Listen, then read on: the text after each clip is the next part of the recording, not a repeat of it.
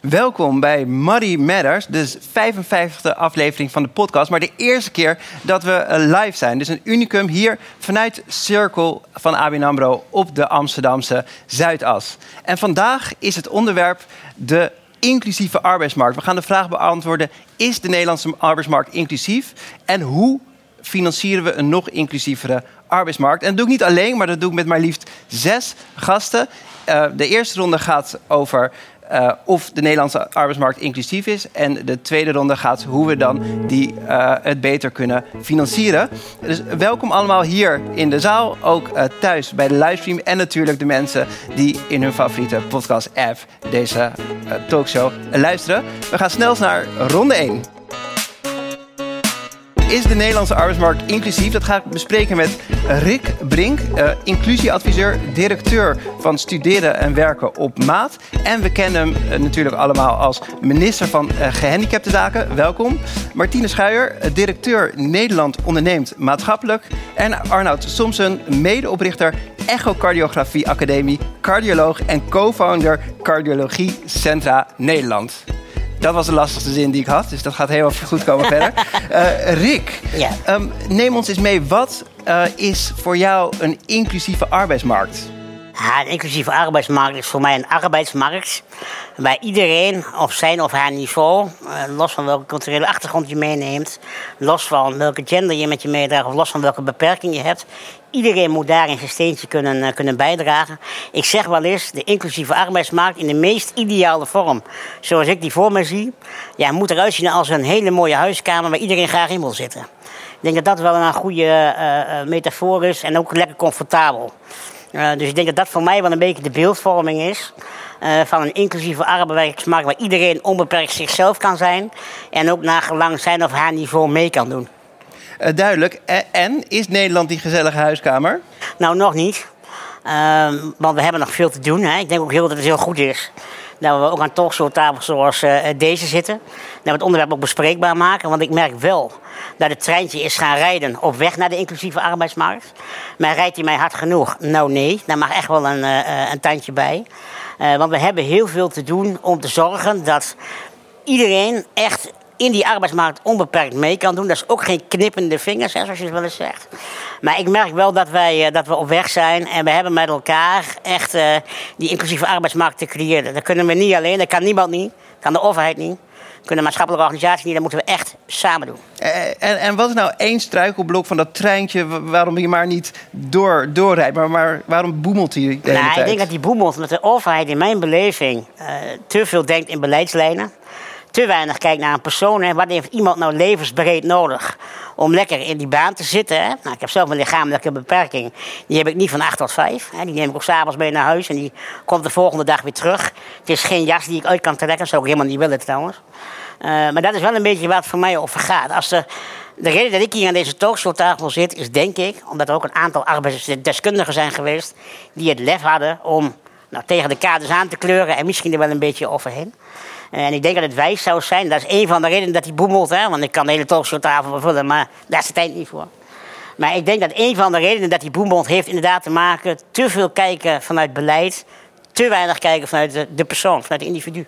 Duidelijke oproep. Uh, Martine, directeur Nederland Onderneemt Maatschappelijk. Um, jij ziet veel ondernemers om je heen die iets doen voor die inclusieve arbeidsmarkt. Kan je iets vertellen hoe jouw organisatie die ondernemers helpt? Ja, ik, ik, ik, vul je maar gelijk aan. Ik zie werkgever die werkgever zijn. En die dus mensen aannemen. En die daarbij gelukkig niet nadenken over... ben ik nu een inclusieve werkgever of een inclusieve arbeidsmarkt. Die nemen mensen aan op basis van talenten. Uh, en dat is volgens mij de gezellige huiskamer waar ik uh, net aan refereert. En wat wij vanuit de stichting doen, is dat wij werkgevers met bemensingsvraagstukken... en ja, dat gaat over in, door en uitstroom... Uh, ondersteunen om nou, de route te vinden uh, want er is heel veel dienstverlening, maar ook veel loketten en veel uh, instanties die zeggen dat ze dienstverlening bieden. Dus wij proberen hen te gidsen. En waar er geen dienstverlening is passend bij de vraag die ze hebben, proberen wij hen te ondersteunen met uh, eigen dienstverlening. Kan je een voorbeeld noemen?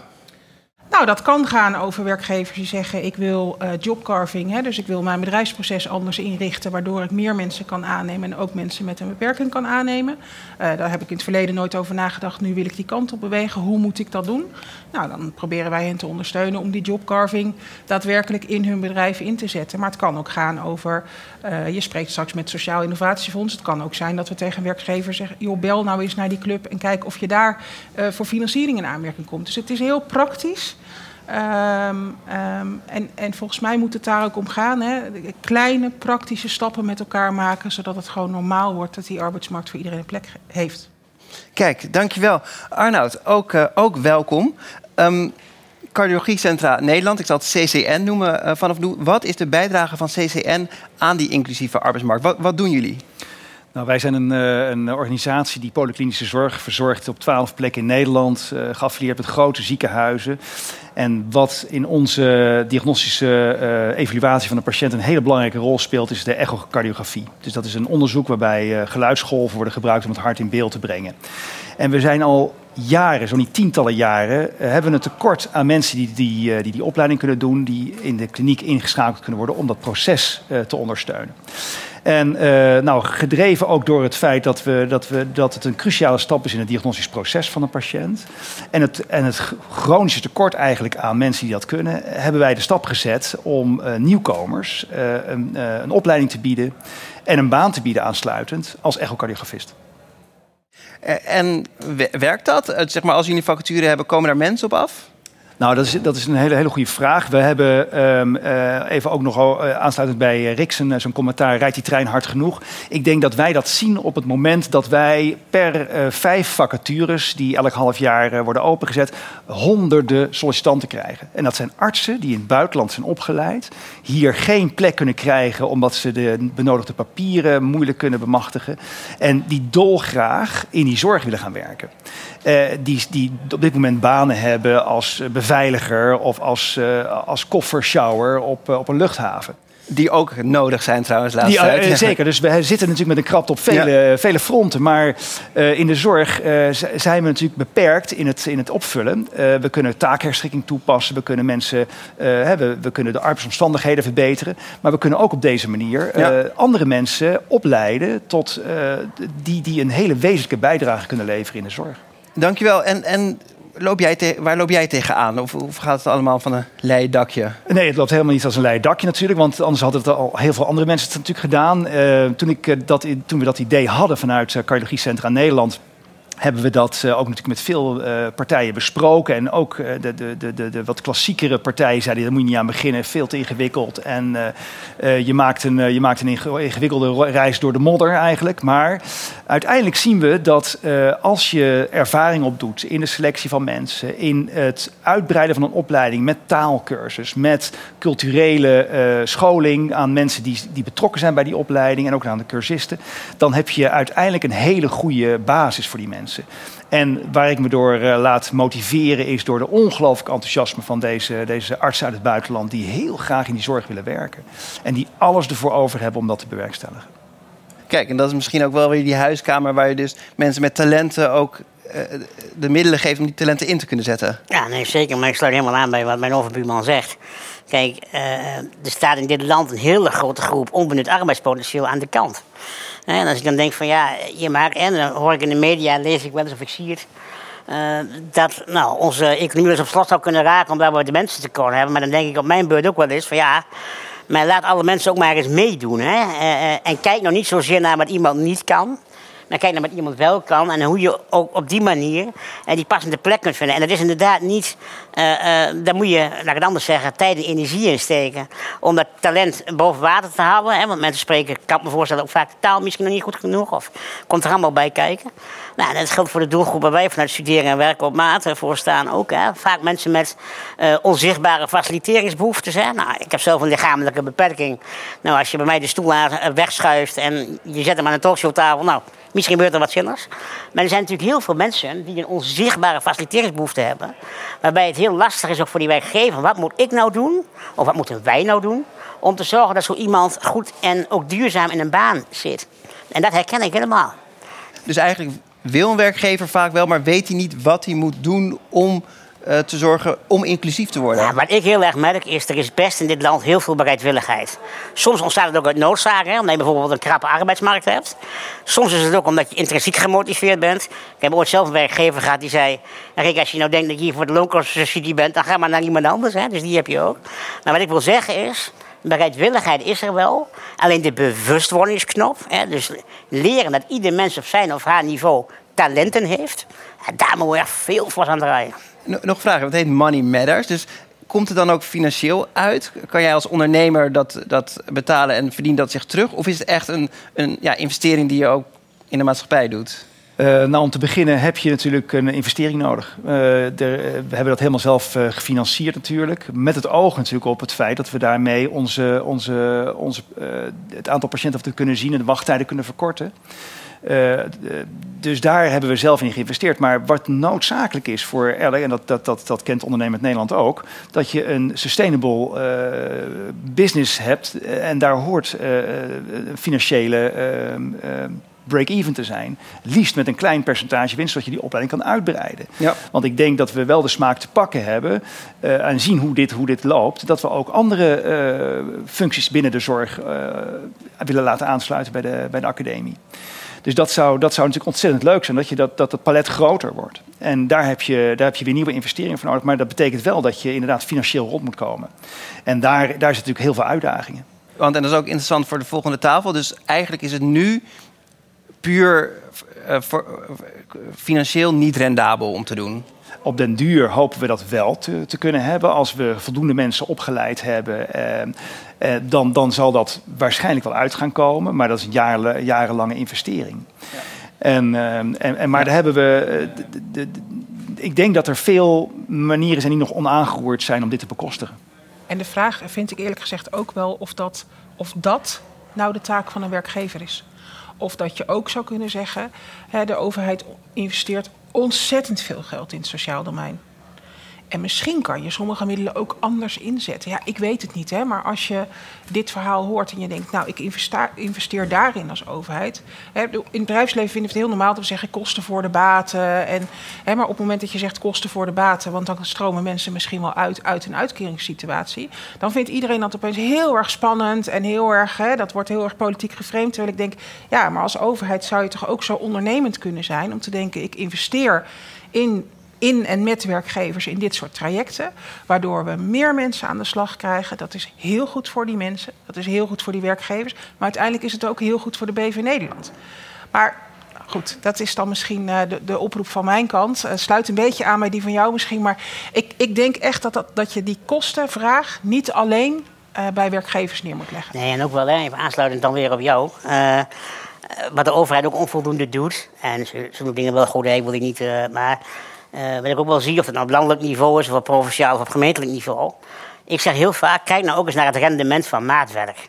als je in een politieke discussie het woord maatwerk gebruikt, dan zeggen ze altijd, oh, dat is heel duur.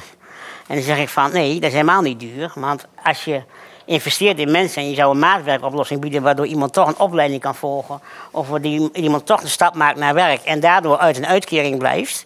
Ja, ik snap ook wel, die investering zie je niet meteen terug. Maar als je het lef hebt, en dat is ondernemerschap, om dat wel te doen, ja, dan hebben we uh, minder mensen in uitkering. Daar ben ik echt van overtuigd. En kan je een voorbeeld noemen van een uh, maatwerk wat je kan toepassen bij iemand in een uitkering? Nou ja, wij hebben wel uh, nou, bijvoorbeeld jobcoaching. Hè, dat is best wel aanbestedingsgevoelig. Hè. Gemeenten besteden dat vaak aan. Uh, nou, ik heb vanuit Zwolle ook best wel voorbeelden gezien waarbij mensen ook zelf de keuze hadden uh, om uh, een jobcoach of een lifecoach te kiezen. Want mensen zijn niet alleen maar in hun baanbegeleiding nodig, maar juist ook alles eromheen. Hè. Ik zei zo straks al, die beperking heb je niet van 8 tot, tot 5. Maar op het moment dat wij, nou ja, een van onze young professionals, want zo noemen we hen, als we diezelfde keuze geven van, goh, kies maar een jobcoach waar jij je veilig en fijn bij voelt, dan krijg je een smeerbedel. En is dat de goedkoopste oplossing? Nee.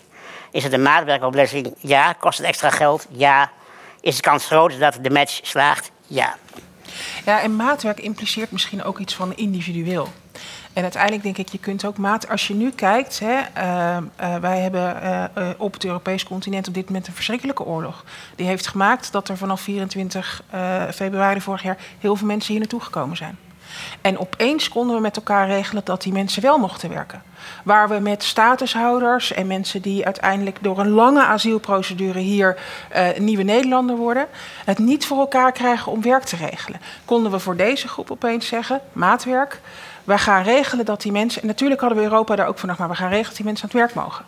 Als je nu hoort dat, dat van die groep 50 tot 60 procent aan het werk is, in een arbeidsmarkt die krap is, natuurlijk, dat realiseer ik me terdege. Maar dan vind ik ook dat maatwerk. Dat we die groep hebben bezien van jongens, hier komen mensen naartoe die, die je niet in een opvang moet zetten en moet zeggen, nou, we wachten met elkaar tot die oorlog over is. Maar het is ook heel goed voor die mensen om gewoon aan het werk te zijn en om dagbesteding, eh, zeg ik dan maar even, te hebben dat is ook maatwerk wat mij betreft. Gewoon snel handelen, uh, ondernemend zijn. Uh, en, en dus maatwerk impliceert voor mij niet... het gaat alleen maar om het individu. Hier konden we het ook. Snap ik. Um, maatwerk, we hadden het er ook over dat uh, Rick gaf aan... ondernemers willen wel, maar vinden het soms lastig... om dan de juiste tools erbij te vinden. Um, wat merk je daarbij in de praktijk? En, en kan je, hoe kan je, kan je dan een ondernemer daarbij helpen? Ja, kijk... Um ik zal onze kijkers niet vermoeien met alle systeemdiscussies. Uh, maar zolang je als werkgever van een werkgeverservicepunt naar een leerwerkloket of naar een regionaal mobiliteitsteam wordt gestuurd omdat je een vacature hebt. Ja, ik kan me voorstellen dat als jij tien man personeel hebt, dat je op een gegeven moment denkt: ja, ik heb twee avonden zitten googelen, ik kom er niet helemaal uit. Weet je wat, ik wil het uitzendbureau. Ja. He, dus, dus daar zit wel. Uh, we, hebben, we hebben de systemen, wat mij betreft, iets te moeilijk gemaakt voor werkgevers die misschien één, twee, drie keer per jaar een vacature hebben en niet een HR-afdeling hebben. 80% van de ondernemers in dit land is MKB. Dus misschien moeten we de systemen wat versimpelen en gewoon nadenken over. Je hebt geen HR-professional, wel een vacature en je wil ook een inclusieve werkgever zijn. Wat doe je dan? Ja. Ja, jij stuurt 300 man uit, aan. Waar, vind jij de tijd vandaan om dan al die systemen bij elkaar te, te vissen en uh, ja, kijk, wat, wat wij natuurlijk wel uh, hebben gedaan, we hebben samenwerking gezocht met partijen die daar veel ervaring mee hebben. De Goldsmeding Foundation is een hele belangrijke uh, pilaar die daar samen met Open Embassy een, een belangrijke rol heeft gespeeld, ook in de opzet van het, van het hele project. Maar inderdaad, als je gaat kijken naar eh, zo'n curriculum opzetten voor een uh, voor echolaborant, daar, ja, dat, dat gaat in avonturen. En uh, het is natuurlijk heel leuk om te doen. En dat, dat, daar zit een in, in, in, intrinsieke drive, moet je daarvoor hebben. Maar het gaat allemaal bovenop de dagelijkse beslommeringen. Ja. ja, precies. Maar als ik het goed begrijp, dat is ook wel natuurlijk wat jij doet. Daar heb je de overheid niet voor nodig. Maar, um, maar heb jij ook het gevoel dat er dan dat het woud van regelingen waar je gebruik van maakt, dat helder is? Of, of nou, waar, waar, wat we nu tegenkomen en waar we natuurlijk heel erg benieuwd naar zijn, precies wat jij zegt, van hoe kun je uh, de transitie van uitkeringsgelden, uh, hoe kun je dat gebruiken om opleidingen te financieren bijvoorbeeld? Ja. Nou, dat is een enorme discussie die je elke keer bij elke gemeente in Nederland opnieuw moet gaan voeren. Het zou natuurlijk heel interessant zijn als de overheid daar echt een rol in neemt. En uh, dus dat we daar, dat we daar, dat, dat, dat de shared benefit eigenlijk hè, voor, voor zo'n stap. Uh, maar goed, dat, dat, zijn, dat zijn trajecten die veel langer duren, omdat daar een bureaucratische uh, stroop omheen uh, zit. Helder. Ik, kijk even naar het publiek of er vragen, vragen zijn. Um, dan ga ik gewoon mensen aanwijzen. Nee, maar Harry, de, de, boer van TNO. Um, want we hebben het over hoe wordt de arbeidsmarkt inclusiever. En volgens mij speelt techniek daar ook een belangrijke rol bij. Kan je iets zeggen over jouw kennisalliantie en hoe techniek daaraan kan bijdragen? Um, nou, het leuke is, uh, wij zijn heel veel bezig om te kijken of wij zogenaamde mensgerichte technologie, technologie waarbij mensen samenwerken met uh, mooie technologieën, denk aan virtual reality, augmented reality, exoskeletten, collaborative robots. Omdat die mensen dan of beter ontwikkeld kunnen worden of complexere werkzaamheden kunnen doen. Ik word wel getriggerd door het verhaal van die echo. Uh, want je ziet dat uh, mensen die normaal gesproken, en ik chargeer nu een beetje, misschien suikerzakjes plakken, ook in staat zijn met technologie gewoon echt producten te maken. Zelfstandig. Waar de begeleiding van zegt van verrek, dit hadden we eigenlijk nooit uh, bedacht. wat je daar wel ziet is dat er ontzettend veel werkgevers die tekort hebben aan personeel, ineens denken, hé, hey, hier zit een arbeidspool. Die kunnen niet alles voor ons oplossen, maar misschien kunnen ze wel een aantal werkzaamheden van ons doen. En hoe kunnen we dat nou organiseren? En dan kom je weer op de financieringsconstructie. En uh, ja, jullie noemden het net al, uh, ik heb ook gezien hoe de overheid daarmee worstelt. ondanks dat er gewoon potten met geld zijn. Alleen hoe ga je ze dan uitgeven volgens de regeltjes die we met z'n allen hebben verzonnen? Uh, maar aan de andere kant zie ik ook werkgevers en andere organisaties, je noemde er net eentje, Goldsmeding, zeggen van ja, wij willen hier meer kennis op, over opdoen. We willen meer kijken naar opschaling en mogelijkheden. Want we kunnen mensen dus complexer werk laten doen en wellicht hele interessante taken voor werkgevers uh, overnemen, waardoor hun eigen personeel, wat misschien heel hoog op is, opgeleid is, echt het werk kan gaan doen wat ze zelf uh, moeten doen. Maar nu door krapte ja, ook die dingen er maar bij doen. Dus je ziet ook dat daar een totaalbeeld door werkgevers wordt bekeken. Uh, maar hier liggen ontzettend veel mogelijkheden. En we hebben dat ook de afgelopen jaren ook aantoonbaar gemaakt, uh, wetenschappelijk onderbouwd. Dus uh, wij zijn samen met het, zeg maar dat ecosysteem op zoek naar andere investeringsmogelijkheden, creatieve investeringsmogelijkheden, zowel aan de overheidskant, maar ook aan de bedrijfslevenkant of aan de investeerderskant. En ik denk dat daar uh, veel te winnen valt. Herken je dat? Zie je dat ook in de praktijk bij ondernemers? Ja. ja. Ja, ja, absoluut. En, en ik ben blij dat je zegt, hè, de werkgevers zijn er. Dat, uh, daar geloof ik ook echt in. Maar ja, dit, het, uiteindelijk, als je moet investeren in bedrijfsprocessen om de technologie naar binnen te halen, om mensen ander werk te kunnen laten doen, ja, hoe, hoe financier je dat? Waar begin je? En uh, haal je dat uit het, noem maar even uit het economisch domein of haal je het uit het sociaal domein? En volgens mij zeggen wij hier vanmiddag aan deze tafel, het zou ook uit het sociaal domein moeten komen. Alleen je ziet natuurlijk dat ondernemers op dat moment zeggen, ja, dat lukt dus niet, of dat duurt te lang, of dat is te complex. En dan uiteindelijk op een andere route financiering gaan regelen. En dat vind ik, dat vind ik nog steeds jammer. Wat doet het trouwens als er, als er uh, een inclusieve werkvloer, wat doet dat met de werknemers die bij je in dienst zijn, uh, die er al werken? En wat voor. Ja, ja nou, eigenlijk best, best veel. Ik, ja, ik kan een beetje uit eigen ervaring spreken, natuurlijk ook. Uh, toen ik mijn eerste baan kreeg als HR-adviseur bij een zakelijke dienstverlener, gewoon commercieel bedrijf. Uh, toen kwam ik daar en dan was ik eerst natuurlijk gewoon Rick, de kleine man in een iets te grote rolstoel, zeg ik dan maar. Maar ik zag om mij heen, en dat is volgens mij een antwoord op je vraag, heel veel collega's die zeiden van ja, als ik nadenk dat Rick heel veel tijd moet besteden om uit zijn bed te komen, dan moet hij nog in zijn rolstoel, dan moet hij nog, en dan moet hij de ADL, hè, dus de algemene dagelijkse levensverzorging, moet hij, uh, moet hij doen. Uh, en ik zit op de piep als ik met een snatte neus wakker word. Dus ik ga ook maar naar kantoor. Uh, ik kan ook echt, en ik, en ik word niet zo gauw boos. En als ik boos word, is vaak geacteerd. Maar als ik het wel een keer word, of als ik een keer een beetje, toch een beetje geïrriteerd raak. Nee, want ik hoor heel veel, en dat wordt gelukkig steeds minder, hè. Maar ik hoorde wel eens werkgevers zeggen, of hè, dan kwam het onderzoek van, nou, als je mensen met een beperking in dienst, dan zal je ziekteverzuim wel stijgen. Dat is niet gewoon ladiekoek. Uh, uh, want uh, het tegendeel is waar. En wat ik ook wel heel mooi eraan vind, maar dan praat ik nogmaals uit eigen ervaring, is dat ik ook wel collega's heb gehad die zeiden van, goh, ik kan nu ook aan mijn kinderen vertellen dat iedereen anders is, maar wel gelijkwaardig. En dat is volgens mij ook meteen waardoor je ook een hele mooie onderlegger legger aan inclusie uh, toebrengt. Want dat is volgens mij wel een beetje de basis. Dus ik, ja, ik kan er uren over vertellen. Maar ik, ik, ik merk vanuit mijn kant heel veel positieve bijeffecten. Ik kan me voorstellen dat voor nieuwkomers ook geldt, toch? Dat je weet wat iemands vluchtverhaal is, of dat dat uh, motiverend. Uh... Ja, absoluut. Er is natuurlijk heel veel ontzag voor wat mensen soms hebben meegemaakt. En dat ze dan zo landen bij ons. En uh, daar een, een, een, wat voor hen ook heel belangrijk is, dat ze in hun eigen beroep weer aan het werk zijn. Maar dat ze ook de mensen om zich heen hebben die ja, een soort team, hè, de teamgevoel weer terug hebben. En daarnaast de baan krijgen waar ze mee zelfstandig door het leven kunnen. En wat ik ook heel erg zie in binnen de organisaties, is we die Echo Academie voor nieuwkomers hebben opgezet, is dat er heel veel trots is.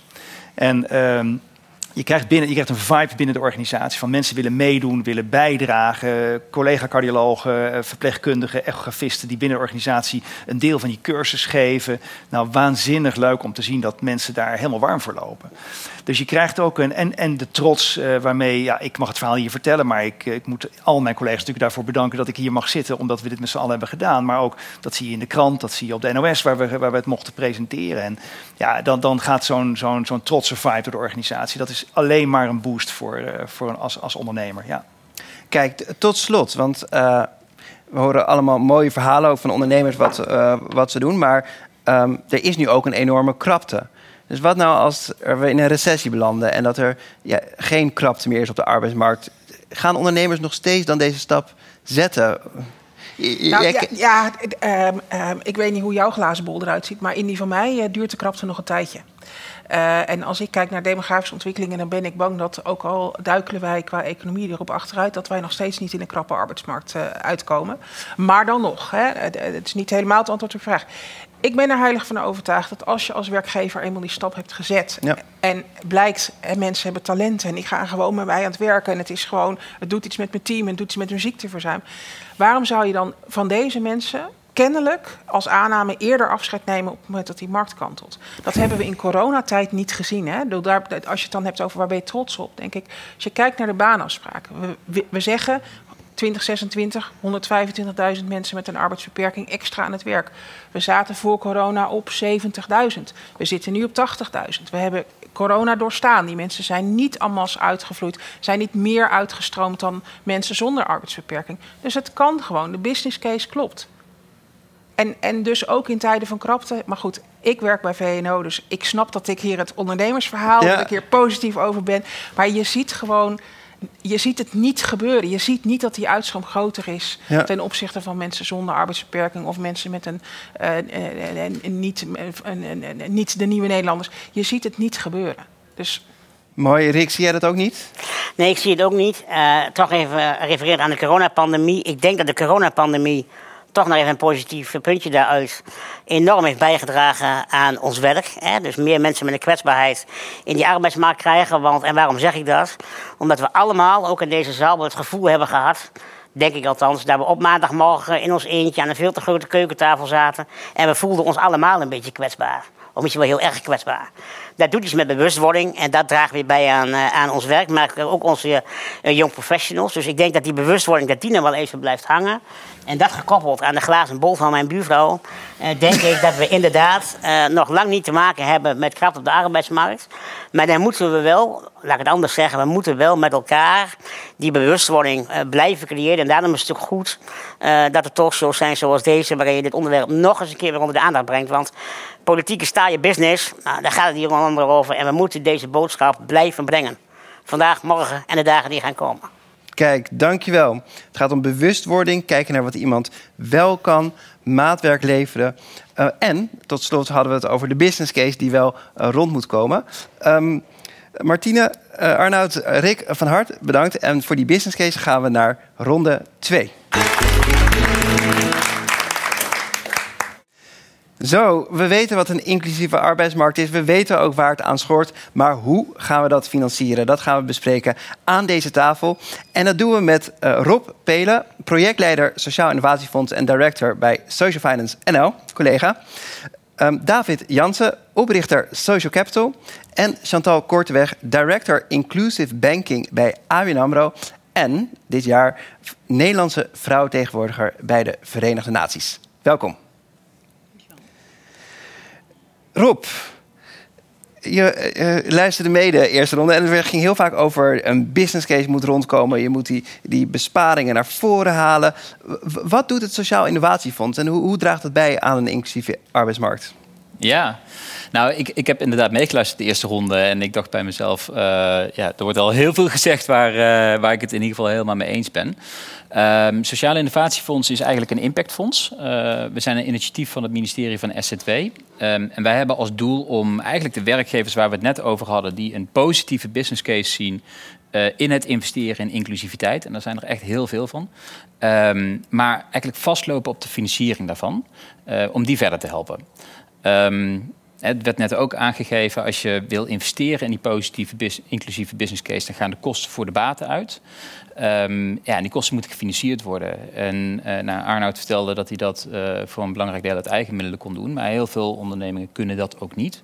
Ja, wat gebeurt er dan als je geen financiering kunt vinden? Ja, dan ga je misschien op een andere manier je werk inrichten. En dat zou betekenen dat we eh, hele mooie, duurzame, inclusieve banen voor altijd verloren zien gaan. Dus wij proberen de ondernemers die wel die stap willen zetten, maar even vastlopen, financieel of inhoudelijk, eh, proberen we mee te nemen en ervoor te zorgen dat die investeringen wel plaatsvinden. Dus en geef je dan alleen geld? Of, Nee, geld is het sluitstuk wat ons betreft. Ehm, Ik denk, eh, eh, in de vorige ronde werd er ook gesproken over maatwerk. Dat geldt ook voor elke ondernemer. Ik denk dat voor elke ondernemer de inclusieve business case er weer anders uitziet. Uh, dus we beginnen ook altijd met de ondernemer daar het gesprek over te voeren. Wat ga jij nou doen om uiteindelijk die duurzame banen te realiseren? Dan hebben we het niet over één baan, maar over meerdere banen. Dus je gaat je bedrijf wel ook echt ingrijpend veranderen. Wat ga je doen? Uh, welke investeringen ga je doen? Um, en hoe zorgen we ervoor dat die banen ook echt dus voor langere tijd zijn? Dus dat de mensen ook die komen werken daar ook tevreden over zijn. Um, en een hele belangrijke, uh, hoe vind je de mensen? En dat is er een waar we heel veel gesprekken over voeren met ondernemers die dus op grotere schaal meer inclusief willen worden. Je gaat als ondernemer investeren. Je neemt het investeringsrisico uh, voor jouw rekening. Um, je gaat de banen creëren, maar dan moeten de mensen er ook wel zijn. En daarvoor ben je weer afhankelijk van de arbeidsmarktregio. Dus we zorgen er ook voor dat in die eerste fase de contacten met de arbeidsmarktregio goed worden gelegd. En daarna gaan we kijken wat is nou precies je financieringsbehoefte. Hoe dekken we die af in het woud van stimuleringsmaatregelen? Uh, wat blijft er over en hoe kunnen wij daar vanuit het Sociale Innovatiefonds het laatste zetje geven? Kijk, hoe vind je mensen? Wat is je financieringsbehoefte? Je eerste investering is in, was in social capital. Niet geheel toevallig ook hier uh, aan tafel. Ja. David Jansen, van harte uh, welkom. Um, heel kort, wat doet Social Capital? Uh, social capital is uh, wat ze in de, in, de, in de praktijk noemen een social enterprise. En een social enterprise is een bedrijf wat primair een sociale of impactgedreven doel heeft. En dat staat dan weer tegenover het doel dat je primair werkt voor uh, aandeelhouderswaarde. En voor ons is dat doel om voor mensen met een arbeidsbeperking die graag willen werken, dat er voor iedereen daarvan een leuke betaalde baan is. En um, nou, we hadden in de vorige tafel dat het best wel lastig is om je, om, als je dat soort, uh, de, deze plekken aanbiedt, om je weg te vinden in de regelgeving. Hoe heb jij dat uitgevonden? Hoe, hoe ben, je, hoe ben jij erachter gekomen? Ik ben uh, begonnen in 2011 en ik ben opgeleid door een mentor die er al veel langer in zat. Uh, in het bedrijf dat al is opgericht in 1992. Dus ik ben gewoon aan het handje genomen op de, op de old school manier hoe dat toen ging in de middeleeuwen. langzaam, maar wel heel leerzaam. Uh, en ik denk dat de, de, regels zijn helemaal niet zo heel complex, wat mij betreft. Ik denk als uh, de regels voor CEO's... Als je er twaalf jaar de tijd voor neemt, of? Nee hoor, nee, dat helemaal niet. Nee, ik kan het als we straks nog even een half uurtje hebben, dan leg ik ze uit. uh, nee, het is niet zo heel erg complex. Het probleem is dat de, de samenleving en met name dan de economische markt... weinig waarde toekent aan mensen aan de onderkant van het, van het loongebouw... en dat dan opeens regels worden gezien als complex en een hindernis. Uh, omdat mensen gewoon willen dat er snel, eenvoudig wordt ingezet op over het algemeen de, de, de eenvoudigere banen in te vullen. En dan denk ik dat uh, de voorganger uh, die nu tegenover mij zit, dat is echt een uitzondering hoe complexe baan hij uitvoert. Over het algemeen gaat het over eenvoudigere banen en dan nemen mensen gewoon minder moeite. Oké, um, en um, jij hebt een financiering gekregen van het Sociaal Innovatiefonds. Kan je iets vertellen wat voor rol het CIF heeft gespeeld en wat je met het geld doet? Nou ja, het, het, Sociaal Innovatiefonds, ik vind het een ontzettend mooi initiatief. En ik denk er zijn wel meerdere partijen in Nederland die uh, specifiek investeren op impactondernemingen. Uh, dat is een mooie ontwikkeling. Uh, en voor ons, wat ons betreft, is het Sociaal Innovatiefonds het belangrijkste daarvan. Zijn niet direct de dingen die Rob net schetst, maar de manier hoe het, het Innovatiefonds bijdraagt aan systeemverandering. En dat is dat er vanuit een ministerie wordt gekeken hoe kan je op een andere manier kijken naar de markt. En hoe kunnen we kijken dat de partij waarbij de winst ligt van onze interventie, dan wordt het snel technisch, dat die mee financiert of mee helpt ja. om het te verwezenlijken. Uh, en de winst uh, ligt in dit geval uh, bij sociaal ondernemerschap vaak bij de overheid. En dan ja. is het ook mooi als de overheid een rol speelt in de oplossing van de financiën. En dat vind ik zo mooi ervan. Dus heel plat, bijvoorbeeld een gemeente bespaart geld op uitkeringen omdat iemand aan de slag is. En dan wil je dat, dat die besparingen ook terug worden geploegd om het mogelijk, om de bedrijfsvoering mogelijk te kunnen maken? Of, ja, dat is de, de platte variant is, uh, als, ik, als ik iemand aanneem die nu in een uitkering zit, dan uh, kan ik daar een business case op bouwen, gewoon op basis van iemands kwaliteiten. Ja. Uh, maar de besparingen bij de overheid, dat is alleen de uitkering is 16.000 euro, maar alles bij elkaar is het een stuk meer geld dat je nog meer bespaart aan zorg, aan detentie, aan allemaal andere gekkigheid, levensgeluk. Of dat niet een besparing is of een, uh, of een winst, dat ligt even aan hoe je het bekijkt. Maar die waarde is allemaal veel hoger dan, uh, uh, dan wat wij eraan verdienen. En die baten liggen bij de overheid. En als de overheid daar een stuk van zou terug investeren in de partij die de interventie doet, dan krijg je veel sneller dat veel grotere partijen kunnen schalen op dit thema. is in de kern ook wat Arnoud net aangaf. De business case is er wel, maar als je de baten van die business case iets eerlijker verdeelt, dan wordt je inclusief business case veel sterker. En dan kun je inderdaad sneller gaan opschalen, kun je andere banen, andere type banen ook gaan organiseren. En laat je ook aan andere werkgevers zien dat inclusief ondernemen echt, echt loont. Helder. Chantal, ehm, bedankt voor de gastvrijheid trouwens, een prachtige cirkel eh, hier. Uh, welke rol speelt uh, de financiële sector als het gaat om een inclusieve arbeidsmarkt? Nou, ik denk bij uh, binnen ABN AMRO doen we allerlei verschillende dingen op dit onderwerp, denk ik. Uh, we hebben een groot reboot-programma, een groot uh, Be-Able-programma... om echt ervoor te zorgen dat mensen met een beperking passend werk kunnen vinden bij ABN AMRO. En, Sorry, ehm, reboot en Be-Able? Ja, dus re uh, reboot is voor nieuwkomers en statushouders die we begeleiden naar een baan uh, binnen ons, uh, onze bank. En Be Able is voor mensen met een beperking. en dit jaar willen we 167 arbeidsplekken creëren voor mensen met een beperking binnen ABN AMRO. Um, en mijn mandaat is eigenlijk om te kijken naar hoe we onze producten en diensten inclusiever en toegankelijker kunnen maken. Dus echt de klantenkant. En hoe kunnen we meer vrouwelijke klanten aantrekken, meer vrouwelijke ondernemers. Um, en wat levert dat op uh, voor de maatschappij? Maar ook, denk ik, die commerciële business case. En uh, als je hem wat breder trekt naar de hele financiële sector. Kijk, in mijn ogen heeft een bank een rol als een agent of change. En hebben we echt een maatschappelijke rol te spelen op dit onderwerp van inclusiviteit. Um, en moeten we daarin samenwerken? En een onderzoek wat wij bijvoorbeeld hebben gedaan uh, toen ik net gestart was in mijn baan twee jaar geleden, ging over de herverdeling van arbeid tussen mannen en vrouwen. En dat hebben we samen gedaan met het CEO-onderzoeksbureau. En daar kwam uit dat als je vrouwen zes uur per week meer betaald werk laat doen en minder onbetaald werk. Mm -hmm. En mannen zes uur per week meer onbetaald werk laat doen en minder betaald werk. Dat dat. Um, He, de arbeidsvolume blijft hetzelfde.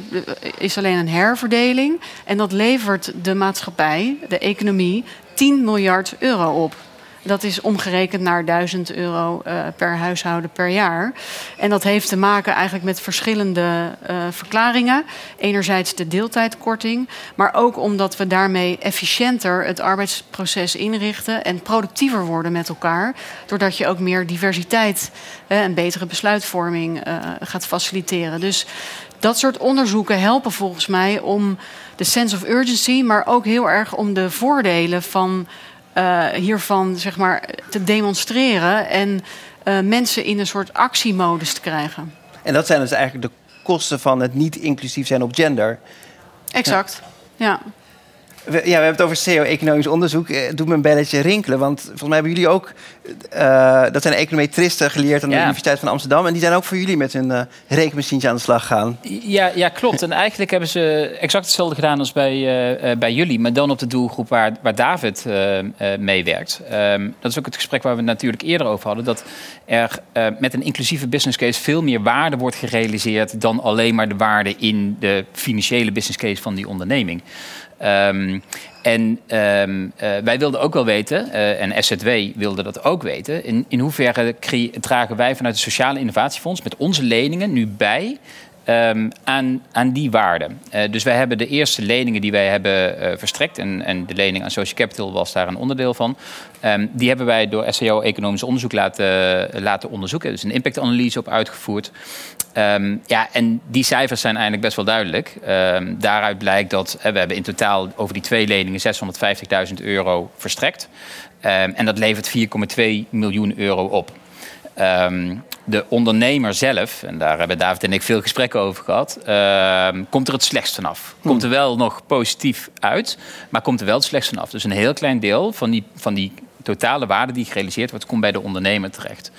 40% van die waarde komt bij de medewerker terecht. Dat willen we natuurlijk ook. Die komt vanuit de, de bijstand, krijgt een inkomen, een hoger inkomen. Nou, gaat erop vooruit, daar doen we het voor. Uh, maar 60% van die waarde valt dus in de arbeidsmarktregio. Uh, omdat daar dus, wat David net al aangaf, bespaard wordt op uitkeringen, zorgconsumptie gaat omlaag. Nou, een hele rits eigenlijk aan voordelen die gecreëerd wordt door de ondernemer. Um, En nogmaals, dat is wel de ondernemer die het investeringsrisico op zich pakt. Uh, dat is de ondernemer um, die soms in de avonduren aan de slag gaat om ervoor te zorgen dat uiteindelijk die banen er kunnen gaan komen. Ja, en dat is interessant als je op een gegeven moment dus kunt aantonen dat met elke euro die je aan lening verstrekt, 6,42 euro aan maatschappelijke waarde wordt gerealiseerd wordt het misschien ooit voor uh, de bankaire wereld misschien ook interessanter om te zeggen van hé, hey, daar moeten we op gaan instappen. Want daar zien we nu nog wel wat terughoudendheid, de business case. Best wel lastig om te begrijpen uh, voor bijvoorbeeld banken en andere traditionele financiers. Um, maar dit soort inzichten helpen daar wel bij. Ja, David, ik ken jou een beetje. Jij print dat rapport uit en gaat naar die arbeidsmarktregio en zegt van hé, hey, help eens mee, of niet? Ja, dat is eh, bijna, bijna exact dat gedaan. En ik denk wat het belangrijkste is, en dat maakt het, dat maakt het gesprek altijd wel een beetje moeilijk. Als je het hebt over sociaal en impact ondernemen, dan gaat het heel vaak over mooie verhalen. Ik hoorde net het, de, de huiskamer. Uh, dat, het klinkt mooi en ik vind het een, ontzettend mooie uh, metafoor voor waar we voor staan. Maar het gaat heel vaak over levensgeluk en erbij horen. En dat zijn echt dat zijn de dingen waarvoor je het doet. Dat zijn de dingen waarvoor ik elke dag uit bed kom. Dat is te gek. Maar als je wil lobbyen, dan is er gewoon maar één markt. En die markt die rekent met jaarrekeningen, met euro's. Dus vertaal alles gewoon naar saaie euro's.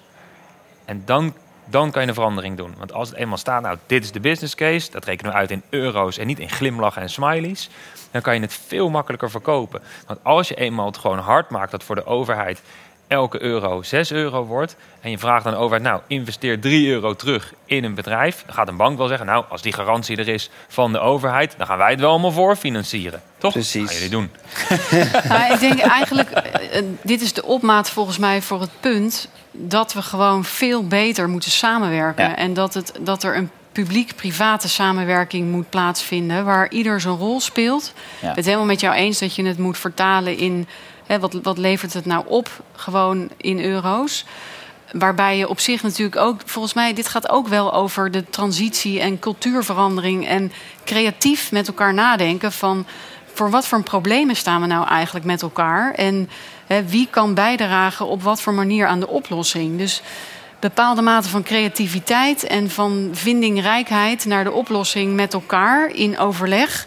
En dat probeer ik ook nu te doen uh, in NVB-verband. Dus ik heb. Uh, er is een mooi voorbeeld in Engeland waar ze de Investing in Women Code hebben uh, opgericht. En dat is een publiek-private samenwerking waar 200 financiële instellingen zich aan hebben gecommitteerd.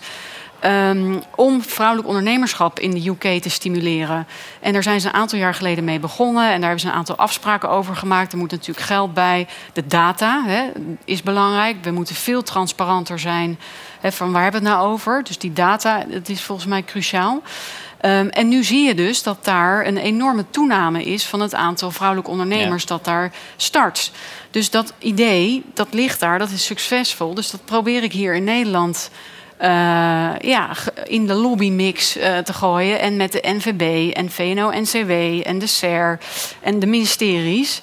Ja, en dan zie je dus dat, dat we gewoon in een heel gefragmenteerd land leven.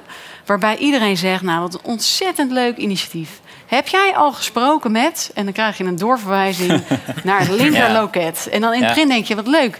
Die persoon probeert mij verder te helpen en op dat goede spoor te zetten. En na tien van die rondjes denk ik, wacht even. Kan iedereen ook zelf de verantwoordelijkheid nu nemen om aan tafel te komen zitten en te kijken wat de rol is van ieder van die partijen. En daar hebben de banken een rol te spelen.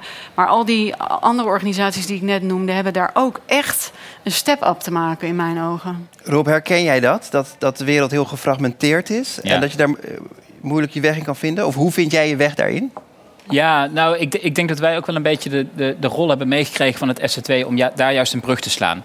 Um, dus ja, ik herken het heel erg. Um, en vanaf het eerste begin hebben we gesprekken met, met ABN AMRO en ook met de andere banken om na te denken over hoe we nou meer access to finance kunnen krijgen voor de ideeën die we hier allemaal uh, net, net hebben gehoord. Um, en er zitten gewoon uitdagingen aan vast en die begrijp ik ook heel goed. Maar met elkaar moeten we denk ik inderdaad niet meer blijven, uh, uh, blijven blindstaren op die uitdagingen en op de drempels en de hordes die er zijn, maar moeten we eigenlijk de, dat gezamenlijk gezamenlijke doel wat we met elkaar nastreven. Want daar is iedereen het wel over eens. Al helemaal als je het vertaalt naar een gezamenlijke taal, de taal van de euro's.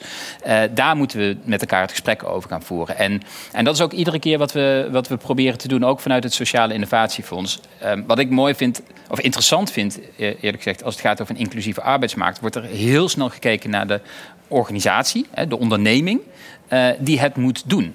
Is ook zo. Die moet de banen creëren. Maar die kan dat echt niet alleen. Die heeft de financiers nodig, die heeft de arbeidsmarktregio nodig, die heeft de gemeente nodig, de werkgeversservicepunten. Heeft echt iedereen nodig om uiteindelijk te kunnen doen wat we met z'n allen willen. En als we dan inderdaad met z'n allen ook vaststellen dat dat een waarde heeft voor iedereen, ja, dan hebben we volgens mij het handelingsperspectief te pakken om misschien wel ook naar de droomwereld van, uh, de, de, droomwereld van Rick uh, realiteit te maken. En echt op te gaan schalen en te laten zien dat inclusief ondernemen gewoon simpelweg loont voor iedereen. Ja. Kijk, en het, uh, we hadden het er net over dat het ook loont... omdat andere medewerkers trots zijn op de organisatie. Zie jij ook dat je makkelijker, dat het voor de inkoop... dat bedrijven rekening mee houden dat ze willen inkopen... bij organisaties die inclusief zijn? Oh, dat is een goede vraag. Ja, het gebeurt steeds meer. Het is steeds gangbaarder. Uh, het, het, wordt steeds meer meegenomen in, in, aan, in aanbestedingsland. Je ziet, het is een beetje de opvolger van de duurzaamheid. Uh, we hebben net een aanbesteding uh, gewonnen om, uh, om broodjes te smeren voor, de, voor een deel van de Rijksoverheid. Nou, dat is super mooi. En dat was echt met name gestoeld op duurzaamheid. Van zit je dichtbij, uh, wij doen allemaal SCAL gecertificeerd prachtige producten. Hartstikke leuk. Maar er wordt nog niet in meegenomen dat daar ook allemaal mensen werken met een kwetsbare arbeidsmarktpositie. En zo zie je dat het langzaam ontwikkelt. En dat is ook een lobby die gaande is. En uh, CIF lobby daarvoor, SWOM lobby daarvoor. Dit, dit, dit is langzaam aan het ontstaan. En wat je vooral ziet is dat het uh, we zijn nu met de gemeente Den Haag toevallig. Uh, ik weet dat Rijn daar zit in het publiek, die kan wat moeilijke vragen stellen. Zitten we daarmee in, uh, in onderhandeling om te kijken, ja, kan je nou vanuit de gemeente ook met andere partijen gaan uh, samenwerken dan de gemeente voor de uitvoering ja. van bepaalde reïntegratietrajecten? Ik zit toevallig in een, in een denkclubje samen met SWOM ook weer. Het is niet zo'n hele grote wereld, dat sociaal. Uh, en dan zie je dat je samen gewoon veel meer bereikt dan alleen. En dat de overheid ook steeds meer welwillend is om uh, weer buiten de boekjes te gaan kleuren. En ik vind hier wel belangrijk om één ding te zeggen, want dit was vroeger ook het geval. Toen ik begon in het sociaal domein in 2011, toen werd er heel veel gewerkt met private partners. En dan ging de rekening altijd naar het Rijk. En er werd eigenlijk maar een beetje klakkeloos betaald. En ik denk dat dat wel echt een groot risico is. We hebben het hier over publiek geld. En als je het mij vraagt, dan is de enige manier hoe je dit soort dingen gaat betalen, is met uh, resultaatfinanciering.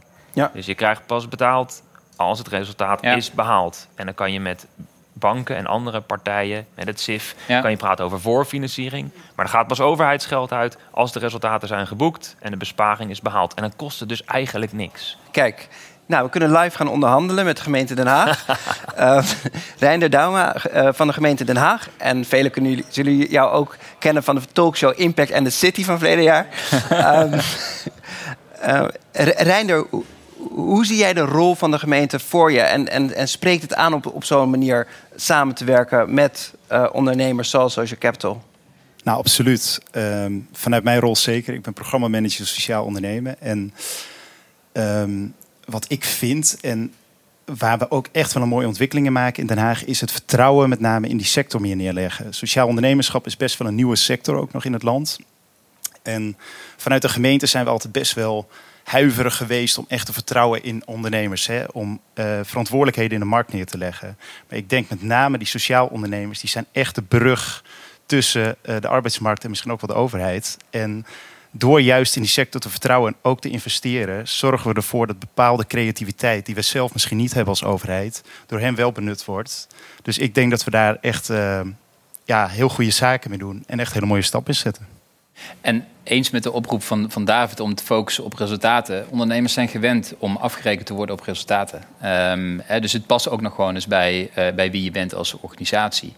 Um, en ik denk ook als je de focus op die resultaten legt en gaat uitbetalen vanuit de waarde die die resultaten creëren, dat je echt met z'n allen ook op het juiste aan het, aan het sturen bent. Um, en dus dichter bij die wereld komt waarin we met z'n allen het juiste kunnen doen om, om bij de inclusieve arbeidsmarkt uit te komen. Maar het vraagt wel wat van zo'n organisatie. Want het is natuurlijk veel makkelijker om geld eh, van tevoren weg te geven en daar misschien aan het eind een verslagje van te krijgen, dan dat je een hele meetmethodiek moet maken en op het, aan de achterkant betaalt. Of Ja, ik, ik, uh, eens. Het vraagt, het vraagt wel wat. Uh, maar we vragen nu ook wat uh, ja. van, van de ondernemers die wij financieren. We hebben David ook gevraagd. Okay, je krijgt een lening van ons. Je gaat daar 200 banen mee realiseren hoe dan? Uh, en, en ook met David hebben we ieder kwartaal een gesprek uh, om zijn financiële resultaten en zijn sociale KPI's uh, te bespreken. Um, wat ik ervaar in de gesprekken die ik voer met ondernemers, of dat nou impactondernemers zijn of reguliere ondernemers, is dat die focus op die resultaten juist echt alleen maar als een verademing gezien wordt. Je, hebt, je gaat het hebben over de juiste dingen. Arnoud vertelde het net ook. Hij heeft het vanuit een intrinsieke gedrevenheid gedaan, maar uiteindelijk bouwt hij er ook zijn organisatie mee op. Dus waarom daar niet met z'n allen ook over spreken en kijken hoe je daar de schouders onder kunt zetten. Volgens mij, dit gaat dus over het creëren van een soort vliegwiel-effect. Dat het allemaal versnelt en door resultaten te tonen. Dat zie ik ook. Ik ben twee jaar geleden begonnen met inclusive banking. Daar had hier nog nooit iemand van gehoord. Ik heb het zelf verzonnen, die term. Uh, maar inmiddels hebben we dus uh, eh, 100 ambassadeurs inclusive banking binnen ABN AMRO... krijg ik berichtjes van mensen die ik niet ken... die zeggen, hallo Chantal, mag ik meedoen met inclusive banking? Dus dan, daarmee creëer je ook een soort energie op het onderwerp. Je gaat laten zien wat, wat, je, wat je doet. Dus die proof points die zijn ontzettend belangrijk... om de boel te versnellen, om meer mensen mee te krijgen daarin... waarin ieder zijn eigen rol te pakken heeft. De overheid weer een ander dan een financier... Maar dan wordt het ook leuk, toch? En dan, dan wordt het positief. En volgens mij, door, we moeten daar perspectief in bieden. Jij wilde ook nog wat zeggen. ja. wilde een kleine aanvulling. Ik denk dat de, uh, uh, waar de misvatting zit, je financieringsaanvraag blijft gewoon gelijk dat moet gewoon kloppen. Je vraagt iets aan en je moet uit, uit, kunnen leggen hoe je het terugbetaalt. Wat alleen helpt om uit te leggen hoe je het terugbetaalt, is als de overheid meebetaalt, omdat zij zien wat de waarde is van wat je doet. Dus dan heb je en wij, hebben verschillende diensten en producten die we uh, leveren en verkopen. Maar als de overheid ook zegt, elke interventie die je doet is voor ons ook x waard, dan gaat die gewoon mee op je, op je winst- en verliesrekening. En dan wordt het voor een bank veel makkelijker om te zeggen: Oh ja, als dat er ook bij komt, dan kunnen wij gewoon een reguliere financiering verstrekken. En dan is het SIF niet eens meer nodig. Dus wat mij betreft is Rob hier de markt aan het openbreken, zodat vervolgens de grote jongens kunnen instappen. Ja, en volgens mij eh, moeten we dus ook echt duidelijk maken welke type investeerder er is in welke fase van de financiering. Want dat, dat gaat ook volgens mij niet goed. Want daar is het wel echt complex geworden in dit land. als ik met een vrouwelijke ondernemer praat, die denkt dan echt: ja, waar moet ik zijn? Waar moet ik beginnen? En toevallig ben ik er laatst eens even ingedoken. De RVO en KVK, echt iedereen heeft zijn website volgegooid met bronnen en referenties. Maar daar raak je dus inderdaad door de bomen het bos geheel kwijt. Uh, terwijl het eigenlijk zo jammer is. Hè? Dus als we ook, daar hebben wij als bank ook volgens mij een rol in te spelen. Om te zeggen van nou, waar jij nu bent in je onderneming. Dat, jij bent nog niet klaar voor een bankfinanciering, maar wel voor een subsidie of voor een transitielening of voor een, een fonds. Ja. Uh, en dan zien we jou heel graag weer terug over vijf jaar. We gaan jou in de gaten houden, want dan ben je misschien wel klaar voor een bankaire financiering. En die die lange termijn gedachte en, en ook dus hoe help ik in de tussentijd die mensen ook verder. Ja, daar zou ik veel meer van willen zien. Dus veel meer de, de makelaarfunctie naast de, de financiersfunctie. Vind ik wel, ja. Ik ga nog even naar het publiek. Ik kijk of er vragen zijn. Uh, en anders heb ik er ook nog wel een aantal voor uh, jullie. Um, Edwin Jong van Deloitte. Uh, we hadden het net over ja, inkoop. Dus hoe zorgen we nou dat um, overheden en bedrijven sociale inkopen. Uh, jij bent daar bij Deloitte mee bezig. Uh, lukt dat een beetje en waar loop je tegenaan? Ja, voor, degenen die me niet kennen, Edwin Jong, programma manager Social Return, Social Impact binnen Deloitte. Houden we met heel veel maatschappelijke dingen bezig, maar specifiek uh, refererend naar jouw vraag, Ruben. ja, dat lukt. Maar ook dat is het, het treintje waar Rick het in het begin over had dat treintje dat gaat rollen en dan moet het uiteindelijk steeds sneller gaan rollen. Maar door behaalde successen en die vooral te delen binnen de organisatie en te laten zien wat wel kan. En daar bewuste keuzes in maken, het zij vanuit duurzaamheid, het, het zij vanuit arbeidsparticipatie. Uh, merk je dat het effect heeft en het gebeurt. En dat vind ik prachtig om te zien. En ja, dat is een lange weg. Maar die hebben we met z'n allen te gaan en we moeten hem ook belopen, vind ik. Dus als jij, uh, stel er moet iets vervangen worden in het kantoor, dan, dan hoe, werkt het dan? Jij zegt van, hé, hey, moeten we dit niet sociaal inkopen? Of hoe werkt zoiets dan intern in zo'n grote organisatie? Ja, dat, dat, klinkt alsof ik daarover uh, over ga. Uh, maar ik denk dat mijn rol daarbinnen is om te beïnvloeden. En de collega's van procurement die dat soort processen uitvoeren, daarin mee te nemen. En redenerend vanuit wat wij als Deloitte belangrijk vinden, dat soort overwegingen in het koopproces mee te nemen. En ze tot inzicht te laten komen van we kunnen naar onze standaardleverancier, maar we kunnen ook kiezen voor een andere leverancier. De sociale ondernemer of ik heb liever de term impactondernemer, omdat we daarmee die impact maken. En dat is wat ik uh, probeer te doen op vele fronten. Ik, ik ga even naar jouw buurman, Camille van Roosmalen van OHV. Jij beheert geld van anderen. Toch? Dat is, ja, dat je, ja, ja, nee, dat uh, moet ook gebeuren. Um, maar zie jij, in die uh, zie jij bij klanten van jou dat er behoefte is aan zeg impact-investeringen of sociale investeringen? Of, of vergt dat meer uitleg? Ja, ik ben best wel positief eigenlijk. Uh, ik ben ervan overtuigd dat er beleggers zijn die dat willen doen. Hè? Dus die echt impact willen maken. Ik zie ook verschillende partijen die al samenwerken. Hè? Zoals inderdaad de Social Finance NL het ministerie, maar ook uh, partijen, dus bijvoorbeeld zoals OLV, die nadenken van oké, maar welke vorm heb je nou precies nodig, zodat alle partijen zich daarin kunnen vinden. Uh, dat is in beginsel moeilijk, omdat eigenlijk allemaal werelden bij elkaar moeten komen die in eerste instantie zich echt hebben opgesloten in een eigen kamertje. Maar nu komen ze allemaal uh, uit hun eigen kamertjes en gaan ze gezellig koffie drinken. En ik denk dat het Sociaal Innovatiefonds uh, echt een heel volwassen uh, project is op die markt. En uh, dat met de juiste structuur en de juiste beleggingsvormen, ja, die markt best wel toegankelijk kan zijn.